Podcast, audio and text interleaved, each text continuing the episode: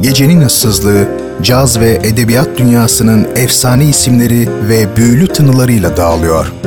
Renkli armoniler, unutulmaz sesler, tarihe iz bırakmış şairler ve yazarlar. Artık hepsi şehrin en gerçek frekansında. Leyla Ceren Koç'la Caz Bulvarı her pazar 23'te 93.5 Radyo Gerçek'te. Caz Bulvarı başlıyor.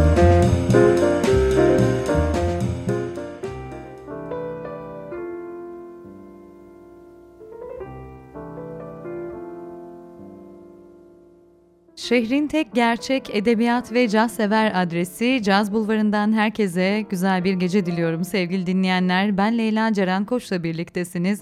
93.5 Radyo Gerçek frekansındasınız. Her pazar gecesi olduğu gibi bu haftada size edebiyat dünyasından bu defa edebiyat dünyasından bir efsaneyle sesleneceğim. Radyonuzun diğer ucunda size Pushkin'i anlatmaya çalışacağım.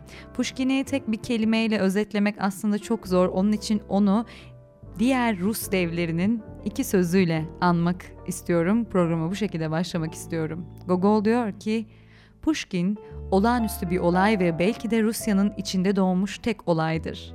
Dostoyevski diyor ki, Pushkin adeta ileriyi gören bir peygamber gibidir. Evet sevgili Radyo Gerçek ve Caz Bulvarı dinleyenleri bu hafta programda Pushkin'in hayatından bahsedeceğiz. Onu zaten tanıyorsanız sizin için keyifli bir program olacak ama tanımıyorsanız da Rus devlerinin en büyüklerinden biriyle tanışmak için harika bir fırsat olacağını düşünüyorum. Caz Bulvarı başlıyor. Hoş geldiniz.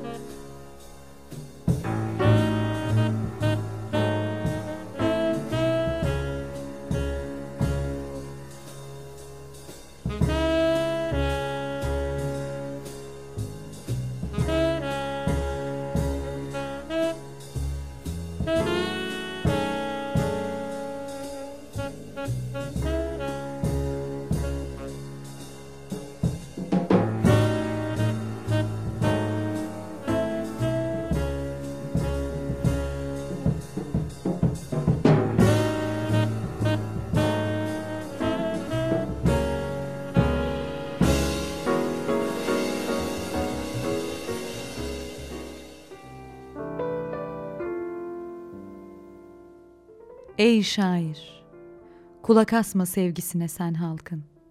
O canım methü sena, anlık gürültü, geçer. Kuru kalabalığın gülüşünü duyarsın ve aptalın hükmünü. Fakat metin ol, boş ver. Sen çarsın, yalnız yaşa, yolunda yalnız yürü, yürü. Hür vicdanının seni çektiği yere. Olgunlaştır sevgili meyveyi, tefekkürü. Hizmetine karşılık bir mükafat bekleme. Her şey sendedir, sende. Büyük mahkeme sensin. Eserine elden çok kıymet biçebilensin. Söyle ey titiz şair, sen ondan memnun musun? Memnunsan kalabalık varsın küfretsin sana.'' Tükürsün ateşini yakan ulu mihraba, şamdanını çocukça öfkeyle sarsa dursun. Evet sevgili radyo gerçek dinleyenleri, şiirimiz bugün sizlere tabii ki bahsedeceğim kişi Alexander Sergeyevich Pushkin'e ait Şaire adlı şiirinin satırlarıydı. Sefer Aytekin'in çevirisinden size sunmaya çalıştım. Pushkin 6 Haziran 1799'da Moskova'da dünyaya geliyor. Rusya'nın en büyük şairi, dramaturgu, romancısı ve tarih yazımına bilimsel yönetimle e, yöntemiyle değil ama e, üslubuyla yön veren bir isim kendisi. Pushkin soylu bir aileden geliyor. Dedesi Rus büyük elçisi tarafından Çar Büyük Petro'nun sarayına getirilen Büyük Petro'nun Hannibal adını verdiği bir Etiyopyalı. Döneminin tanınmış şair ve yazarları Pushkin'in evine gelip gidenler arasında ancak hiçbiri onu kendisine durmadan tuhaf masallar anlatıp eski Rus türküleri söyleyen dadısı kadar da etkilememiş. Yaşlı dadısı Arina'nın anlattıkları Pushkin'in çocukluk ruhunda silinmez izler bırakmış böyle söyleniyor. Pushkin'in anne ve babası eğitimli insanlar tabii ve bu eğitimlerini Pushkin'e de yansıtmışlar. Çünkü henüz 8 yaşındayken Fransızcası Rusçası kadar iyi olmuş. Hatta genel olarak hayatının genelinde de Fransızcasının çok daha iyi olduğu söyleniyor. 11 yaşına geldiğinde ise özgürlükçü ve alaycı yazarlarına hayran olduğu Fransız edebiyatını neredeyse ezberlemiş. E, Fransızca şiirler ve komediler yazmaya başlamış. 1811'de de Petersburg'da e, aristokrat ailelerin çocuklarının eğitim gördüğü Çarköy Lisesi'ne kaydolmuş. Şair olduğunun farkına varışı da bu dönemlere rast geliyor. İlk şiirleri 1814 yılında Vesnik Avropi dergisinde Avrupa Habercisi'nde yayımlanıyor. 1817'de liseyi bitirdikten sonra Dışişleri Bakanlığı'nda bir göreve atanıyor. Bu yıllarda kaleme aldığı toplumsal duyarlılıklara yönelen ilk şiirleri basılıp yayımlanmadığı halde kopyaları elden ele dolaşmaya başlamış. 1820 yılının Temmuz ayında İmparator 1. Alexander'ın emriyle halka ayaklandırmaya çalışan tavırları nedeniyle de tutuklanıyor. Aynı yıl Pushkin'in romantik dönemindeki en büyük yapıtı Ruslan ve Ludmila yayımlanmış. Rus edebiyatında bir benzeri görülmemiş mizahın, kahramanlığın, ironinin, hüznün ve dönemin tutucu çevrelerince fazla cesur bulunarak büyük tepkilere yol açan biçimde e, cinselliğin bir arada kullanıldığı olağanüstü bir yapıt oluyor. Pushkin 6 şarkı ve epilogdan, son sözden yani oluşan bu masal şiirde Rus tarihinden, eski Rus masallarından geniş biçimde yararlanmış, yer yer kaba halk diliyle yalın ve süslemesiz bir dil kullanmış. Şimdi oradan e, Kayhan Yükseler'e ait bir çeviriyi paylaşayım sizle. Ona doğru yürüdüm ve uğursuz bir yalım, bir ödülü oldu küstah bakışlarımın. Ve tanıdım aşkı tüm benliğimle, göksel sevinciyle ve acı veren kederiyle. Yılın yarısı rüzgar gibi geçti. Heyecandan titreyerek açtım gönlümü. Dedim ki, Naina, seviyorum seni. Ama ürkek hüznümü kibirle dinliyordu Naina. Yalnızca kendi güzelliğine hayran. Şöyle yanıt verdi kayıtsızca. Seni sevmiyorum çoban.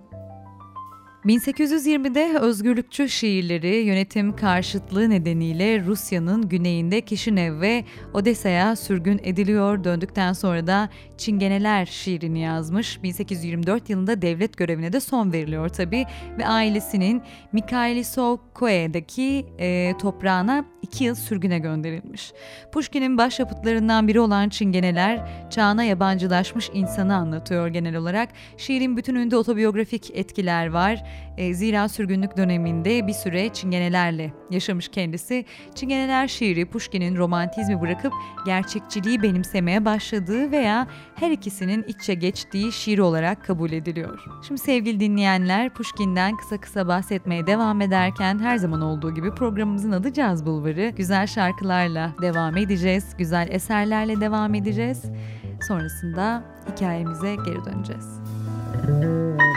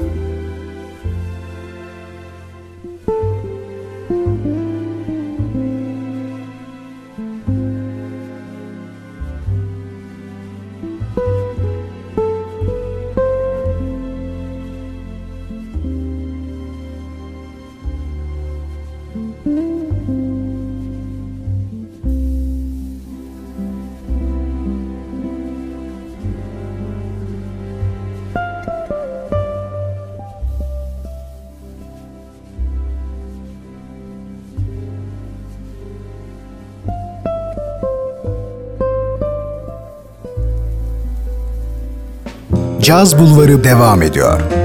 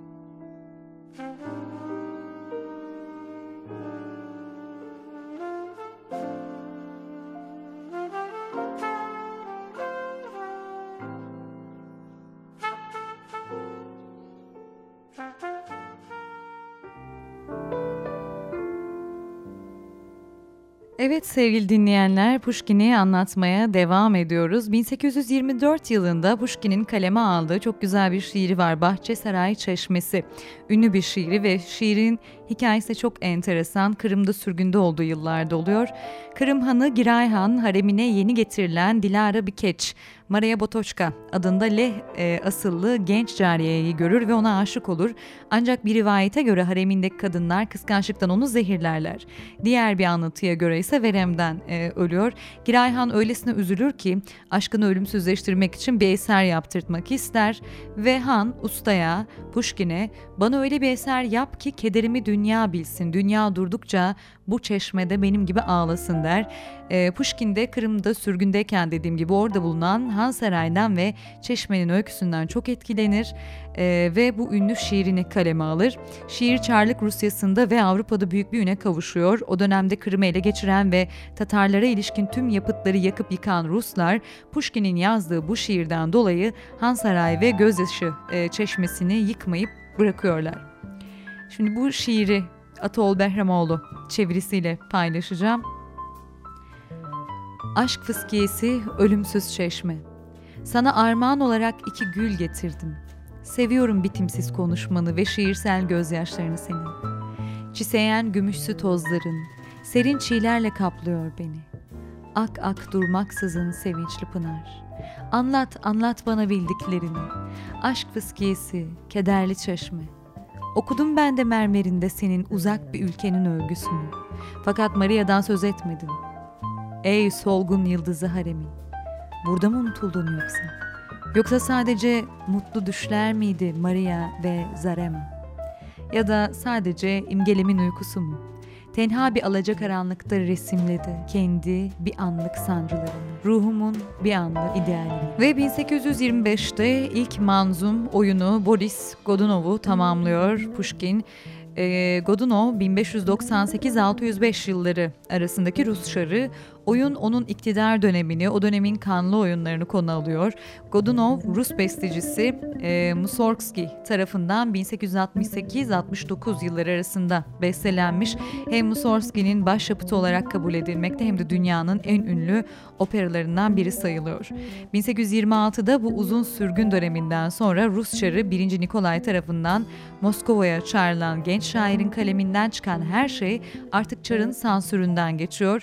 Rusya e, tarihinin dahi şairi, yeni Rus edebiyatı ve yeni Rus edebiyat dilinin kurucusu Alexander Sergeyevich Pushkin, başyapıtı sayılan Yevgeny Onegin adlı şiir romanı 7 yılı aşkın bir süre içerisinde yazıyor ilk bölümlerini sürgündeyken yazmaya başladığı romanın bölümlerini okura ayrı ayrı kitaplar halinde sunmuş. E, Pushkin, Yevgeny Onegin şiir romanını yazarken yepyeni bir şiir kıtası yaratmış oluyor. Edebiyatçılar bütünüyle kendine özgü bu formu Onegin kıtası diye adlandırmışlar. Kitabın ele aldığı temalar evrensel, temaların işlenişi ise son derece yalın. 1828'de ise sürgündeki asker arkadaşlarını görmek üzere Kafkasya'ya gidiyor Pushkin. Hepsinin Osmanlılar üzerine düzenlenen sefere katıldığını öğrenmiş. Az bilinen diyarları görmek ve bir savaşa e, tanık olmak için de sivil olarak orduya katılıyor bunun üzerine. Yolculuk boyunca eskizler çiziyor ve notlar tutuyor ancak notlarını kısmen yayınladığı e, sebebiyle eleştirilmiş. Bu yalın notları kendi ülkesini yeterince yüceltememekle eleştirilmesi üzerine Pushkin ölümünden bir yıl önce tüm notları yayımlamış. Ataol Behramoğlu Erzurum Yolculuğu adıyla bu notları Türkçe'ye çevirmiş. Şimdi oradan bir bölüm paylaşalım. Erzurum'un sokakları dar ve eğri büğrü. Yapılar oldukça yüksek, yollar kalabalık, dükkanlar kapalıydı. İki saat kadar dolaştıktan sonra ordugaha döndüğümde tutsak Serasker'le dört paşanın da orada olduğunu öğrendim. Paşalardan biri korkunç derecede konuşkan kuru bir ihtiyardı bu. Bizim generallere hararetle bir şey anlatıyordu. Beni fraklı görünce kim olduğumu sordu. Pushkin şair olduğumu söyledi. Paşa elini göğsüne koyup bir temanna çaktı. Çevirmen yardımıyla şunları söyledi. Bir şairle karşılaşmak her zaman hayırlıdır. Şair, dervişin kardeşidir. Onun ne vatanı vardır ne de dünya nimetlerinde gözü. Biz zavallılar şan, iktidar ve para peşinde koşarken o yeryüzünün hükümdarlarıyla aynı sırada durur ve herkes onun karşısında saygıyla eğilir. 1830 yılında ise yayımlanan gerçekçi, akıcı, yalın bir üslupla yazılan Bielkin'in öyküleri Rus edebiyatı için bir dönüm noktası sayılıyor.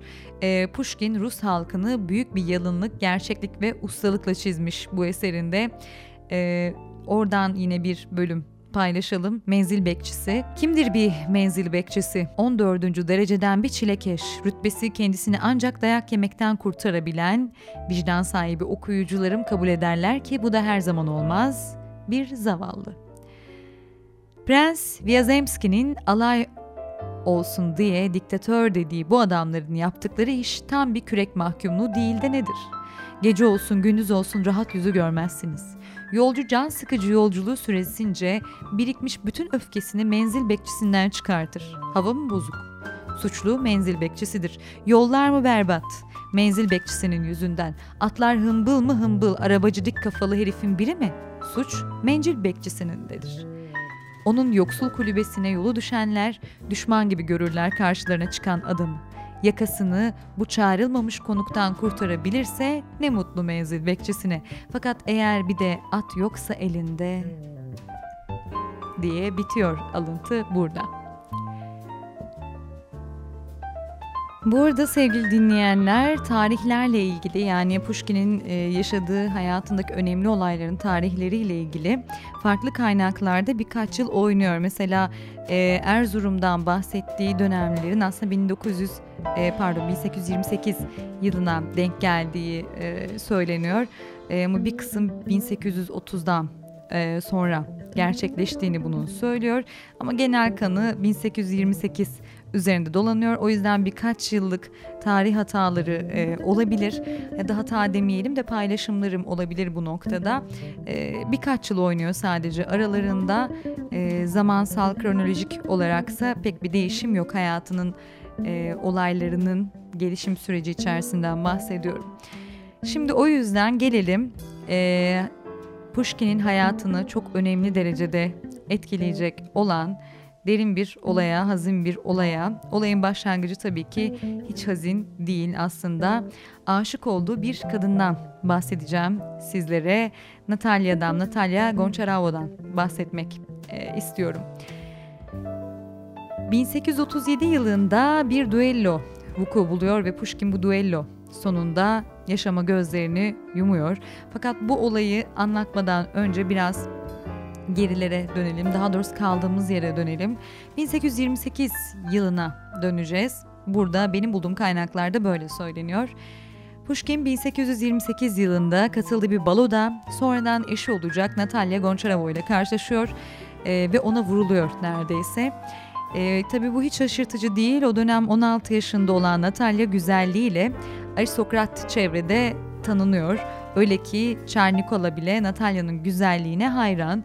İlk karşılaşmalarının üzerinden çok süre geçmeden Pushkin Natalya'ya evlilik teklif ediyor. Fakat bu ilk evlilik teklifi Pushkin için hayal kırıklığıyla sonuçlanmış. Hem Natalya hem de ailesi bu evliliğe sıcak bakmamışlar ki Pushkin'in ilerici ve özgürlük yanlısı fikirleri sebebiyle gönderildiği onca sürgün, uğradığı sansürler ve etrafında dolanan onca polis düşünüldüğünde evliliğe sıcak bakılmamasına aslında şaşırmamak gerekiyor belki de.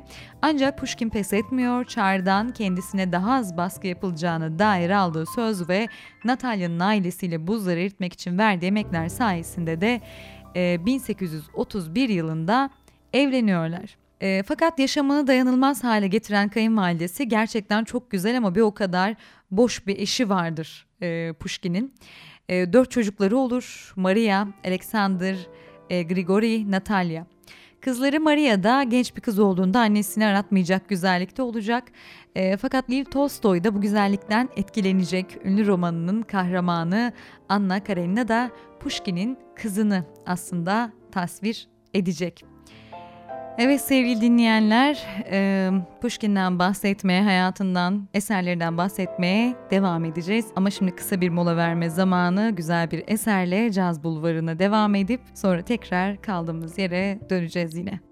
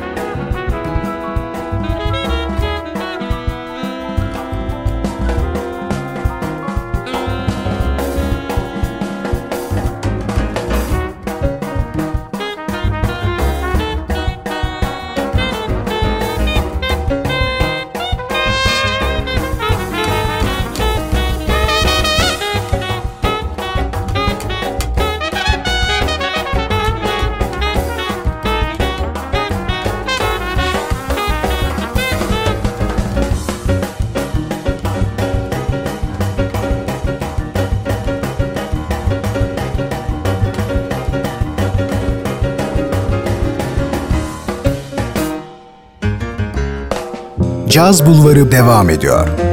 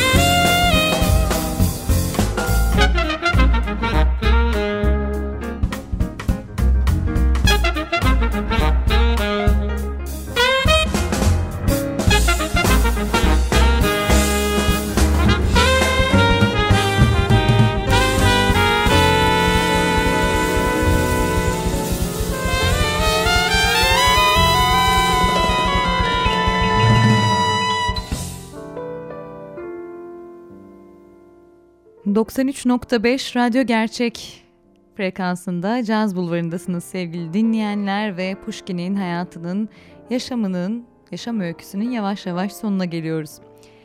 Yevgeni Onigin'in 7 yılı aşkın bir sürede tamamlandığını söylemiştik. 1833'te bu şiirsel romanı Rus edebiyatının en büyük başyapıtını tamamlıyor. Pushkin. Bu eseri 1879 yılında ise operaya uyarlandı. Rus asıllı Amerikalı yazar Vladimir Nabokov, Yevgeni Onegin için yabancı bir dilde anlam derinliğiyle verilmesi mümkün değildir diye de ifade etmiş. En büyük eserlerinden biri Yüzbaşı'nın kızı ile ilgili olarak da Gogol şöyle diyor, Yüzbaşı'nın kızıyla karşılaştırılınca bütün romanlarımız ve büyük hikayelerimiz yavan kalıyor. Saflık, yumuşaklık öyle bir yüksekliğe ulaşıyor ki bu yapıtta gerçek bile yapmacık ve karikatürize edilmiş gibi görünüyor. Ortaya gerçekten de ilk olarak Rus karakterleri çıkıyor. Kalenin basit komutanı, karısı, bayraktar, biricik topuyla kalenin kendisi, zamanın karışıklığı, sıradan insanların o alçak gönüllü büyüklüğü. Bütün bunlar yalnızca gerçek değil, onu da aşan bir şey, demiş Gogol. Pushkin Rus ve dünya yazınına aralarında Ruslan'la Ludmila, Çingeneler, bahsettiğimiz gibi Bahçesaray Çeşmesi, Kafkas Tutsağı, Yevgeni Onegin gibi anlattığı şiirler de e, bulunan ölümsüz bir şiir mirası bıraktı diyebiliriz. Fakat onun Bielkin hikayeleri, Dubrovski'si, e, Yüzbaşı'nın Kızı ve bunun gibi ve romanları da şiir türündeki yapıtlarından daha az ünlü sayılmıyor. Şiir çevresinin özel güçlükleri nedeniyle kendi ülkesi dışında şiirlerinden çok öykü ve romanlarıyla tanınmakta. E, tanıyor onu daha doğrusu. Her şair Pushkin'den izler taşıyor diyebiliriz. Çünkü Pushkin şiirin ölümsüz yaratıcılarından, yol göstericilerinden biri. Son yazdığı şiirlerinden birisi de şöyleymiş. Tüm arzularımı yaşadım ben, hayallerimden de soğudum artık. Sadece acılarım kaldı içimde, meyveleri kalbimdeki boşluğu. Ve şimdi işte bu noktada sevgili dinleyenler, düelloya geri dönüyoruz. Takvimler 1836 yılını gösterdiğinde aristokrat çevrede Natalya ile birçok e, Natalya ile ilgili birçok dedikodu dolanmaya başlıyor eşiyle ilgili.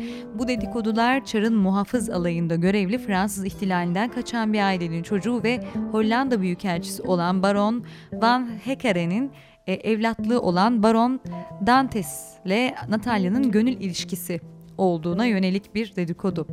Yoğun şekilde devam eden bu dedikoduların üzerine Pushkin isimsiz bir mektup alıyor. Pushkin'in boynuzlu bir koca olduğunu e, ima eden bu mektup Pushkin için çok e, yaralayıcı oluyor ve son damla oluyor. Zaman kaybetmeden Dantes'i düelloya davet ediyor. Ancak Baron Van e, Hekare'nin araya girmesiyle duello iki haftalık bir süre için ertelenmiş. Pushkin'in arkadaşlarının araya girmesi ve üzerine de Dantes'in evlenmek istediği kadının Natalya'nın kardeşi olan Ekaterina Goncharova olduğunu açıklamasıyla duello iptal edilmiş. Fakat Pushkin'in öfkesi yine de dinmiyor. Dinmemesi de tabii normal bir noktada çünkü hem de dedikodular devam ediyor hem de Dantes hala Natalya'nın etrafında dolaşıyor. Bunun üzerine Pushkin hem Dantes'e hem de üvey babasına hayli aşağılayıcı ifadeler içeren bir mektup göndermiş. Tek isteği de tekrardan bir duello ayarlayabilmek. İstediği de oluyor. Van Heckeren duellonun hala geçerli olduğunu bildiriyor ve 27 Ocak 1837'de gerçekleşen duello normal kurallarının aksine 25-30 santim e, oluyor bu. Taraflarının 10 adımlık mesafede konumlanmasıyla başlıyor. İlk atış hakkına sahip olan Dantes, Pushkin'i karnından vurmuş. Aldığı darbe sebebiyle Pushkin rakibini ancak sol elinden yaralayabiliyor e, Pushkin o dönemler ölümcül sayılan mermi yarası sebebiyle iki günlük ıstırap sonucunda 29 Ocak'ta ne yazık ki yaşama gözlerini yumuyor. Yüzbaşının Kızı romanında yazdığı şekilde gerçekleşiyor duello. Bu da işin e, ya da kaderin cilvesi mi denilir bilemiyorum. Şairin öldüğü e, duyulunca da Evinin kapısının önünde toplanan ve Yevgeni Onegin'in son baskısını kapış kapış tüketen halk şairin ölümü üzerine neredeyse hükümete karşı bir ayaklanma e, noktasına gelmiş. Yani ölümü Moskova'da infial derecesinde ses getiriyor ve Çarlığın Pushkin'i sindirmek için planladığı bir komplo olarak nitelendirilen bu duello yığınları sokağa döküyor. Tepkileri önleyebilmek adına cenaze töreni lokasyonu e, Aziz Isaac Katedrali yerine küçük bir e, kilise olarak değiştirilmiş.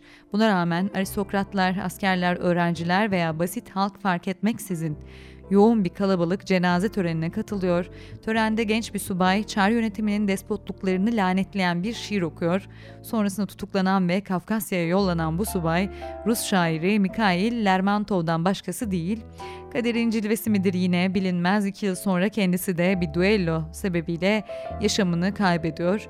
Pushkin'in cenazesi ise herhangi bir ayaklanmayı önlemek adına bir gece yarısı polis tarafından kiliseden alınıp e, Mihailovskoye köyüne götürülerek toprağa verilmiş. Geride kalanlara bakarsak Dantes e, bütün askeri askeri rütbeleri sökülerek Rusya'dan sürgün ediliyor. Eşi ve çocuklarıyla Fransa'ya yerleşen Dantes, sürgünde olup olmadığı tartışmalı olacak şekilde politika ile iç içe ve rahat bir hayat sürdürmüş. E, Natalya ve dört çocuğu ise Çar'ın bahsettiği bir eve yerleşiyorlar. Duello'dan yıllar sonra ise e, Rus edebiyatçı Gorgi, Fransa'da karşılaştığı Dantes'in elini en büyük Rus şairini öldürdüğü için sıkmamış. Rus edebiyatı uzmanı Atol Behramoğlu bir yazısında da e, Pushkin'in Çar karşıtı olması nedeniyle bu düellonun bir komplo, e, komplo olabileceğini yine yazmış. Onu da söyleyelim. Moskova'da e, Kremlin'e dik inen Tverskaya Ulitsa Caddesi üzerinde hemen e, Pushkinskaya metrosundan Tverskaya çıkışının açıldığı yerde heybetli bir heykeli bulunuyor Pushkin'in. 26 Mayıs 1880'de Moskova'da yapılan bu Pushkin heykelinin açılış törenine Dostoyevski bir konuşma yapması için davet edilmiş. Kendi çalışmalarını ara veren Dostoyevski hayatı boyunca hayranlık duyduğu manevi yol göstericisi ve büyük Rus dehası olarak gördüğü Pushkin hakkında bir konuşma hazırlıyor. E, fakat tören Çar'ın emriyle ertelenmesine rağmen erteleniyor daha doğrusu ama buna rağmen Dostoyevski büyük bir cesaretle yola çıkıyor ve konuşmasını yapıyor. Rus edebiyatında büyük bir olay ve bir dönüm noktası olarak değerlendirilen bu konuşmada Dostoyevski tüm hayatı boyunca karşılaştığı kendisine yöneltilen suçlama ve eleştirilere meydan okumuş, batıcılarla Slavcıları, halkla aydınları Rusya ile Avrupa'yı uzlaştırmaya çalışmış. Pushkin'in heykelini çevreleyen küçük park Moskova'da sevgililerin önemli buluşma mekanlarından birisi. E, bu parkta amatör müzik grupları konserler veriyorlar. E, Pushkin heykelinin önünde her daim taze bırakılmış çiçekler bulunuyor. Nedeni bir Rus'a sorulduğunda Pushkin'i sevmek Rusya'da bir gelenektir cevabı veriliyormuş. Çünkü oralarda hala vefa vardır, sanata, edebiyata saygı var, e, kadir kıymet bilme var diyebiliriz. Birçok kişi tarafından en büyük Rus şairi ve Rus edebiyatının kurucusu kabul ediliyor Pushkin. Tüm Rus kitaplarında adı bir dahi olarak anılıyor e, klasik Batı edebiyatını ve Rus halkının ruhunu sentezleyerek Rus edebiyatında gerçekçilik akımını başlatan bir şair, bir isim. Rusların Dante'si olduğu söyleniyor. Dante nasıl İtalya'ya bir dil armağan ettiyse Pushkin de Ruslara o enfes edebiyat dilini hediye etmiş denilebilir. Dostoyevski onun için Rus edebiyatının peygamberi diyor programın başında söylediğimiz gibi. Tolstoy da Pushkin hakkında şöyle der, ondaki güzellik duygusu kimsede olmadığı kadar gelişmiştir. Sanatçıya gelen ilham ne kadar güçlü güçlü olursa onu esere yansıtmak için gereken çaba da bir o kadar büyük oluyor. Pushkin'in şiirleri öylesine sade ve pürüzsüzler ki aynen bu şekilde ona aktarıldığını e, düşünebiliriz. Oysa onun bu sadelik ve pürüzsüzlüğe ulaşmak için ne kadar emek sarf ettiğini e, kimse bilmiyor. Pushkin çevirileriyle bilinen ünlü Türk edebiyatçı ve şair Ataol Behramoğlu Pushkin hakkında şöyle söylüyor. Ben Pushkin'in hemen hemen tüm şiirlerini de Türkçe'ye tercüme ettim.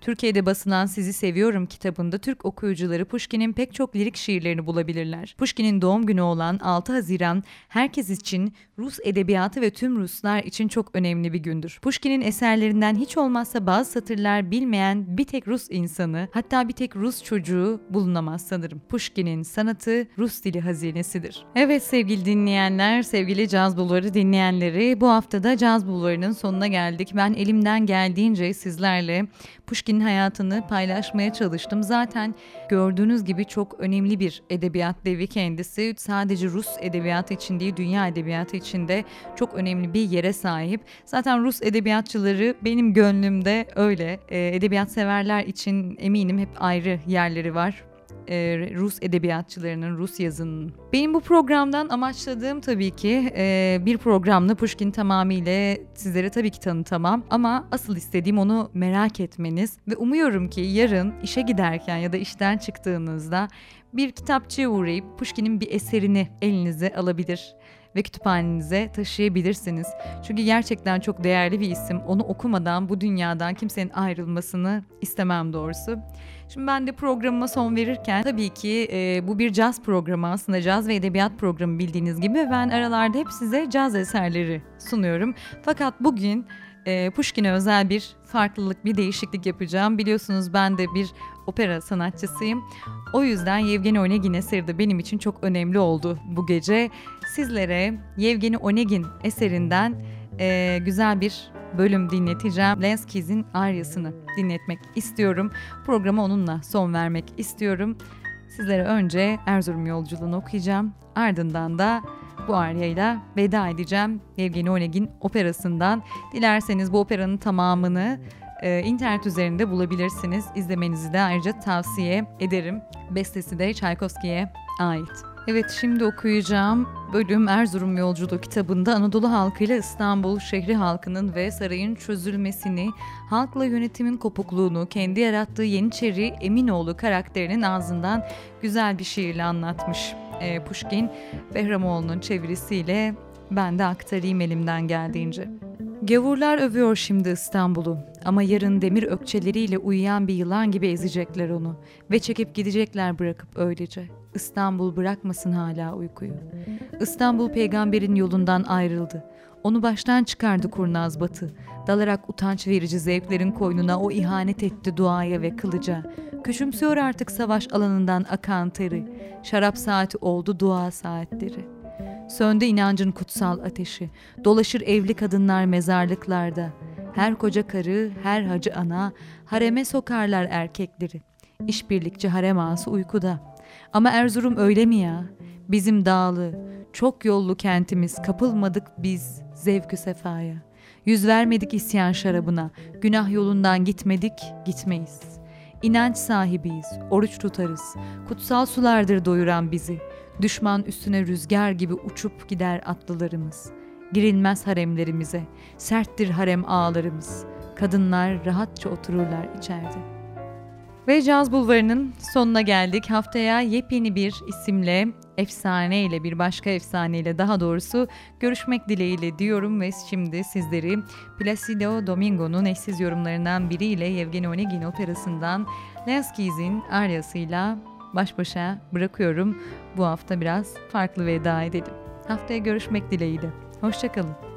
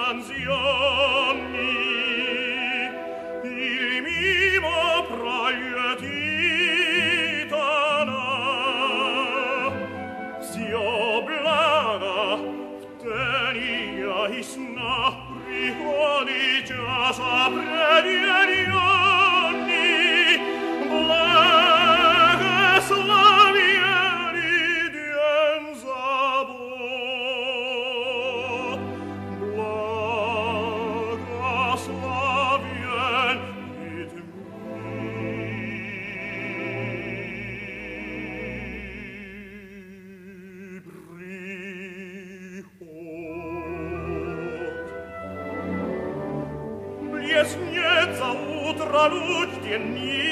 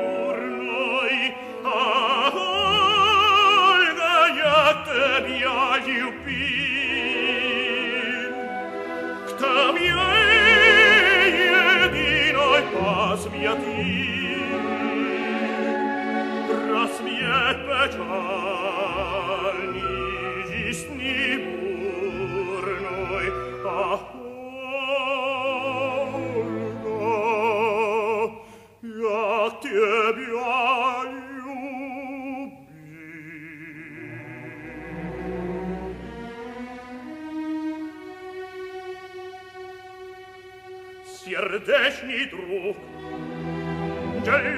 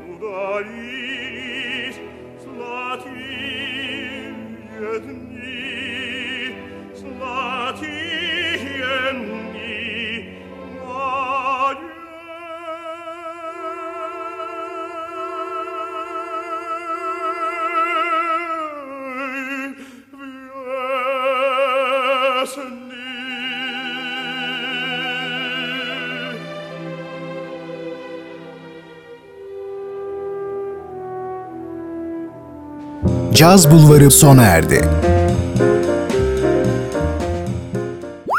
Bu program hakkındaki düşüncelerinizi dinleyen et radyogercek.com adresine mail atarak bize ulaştırabilirsiniz.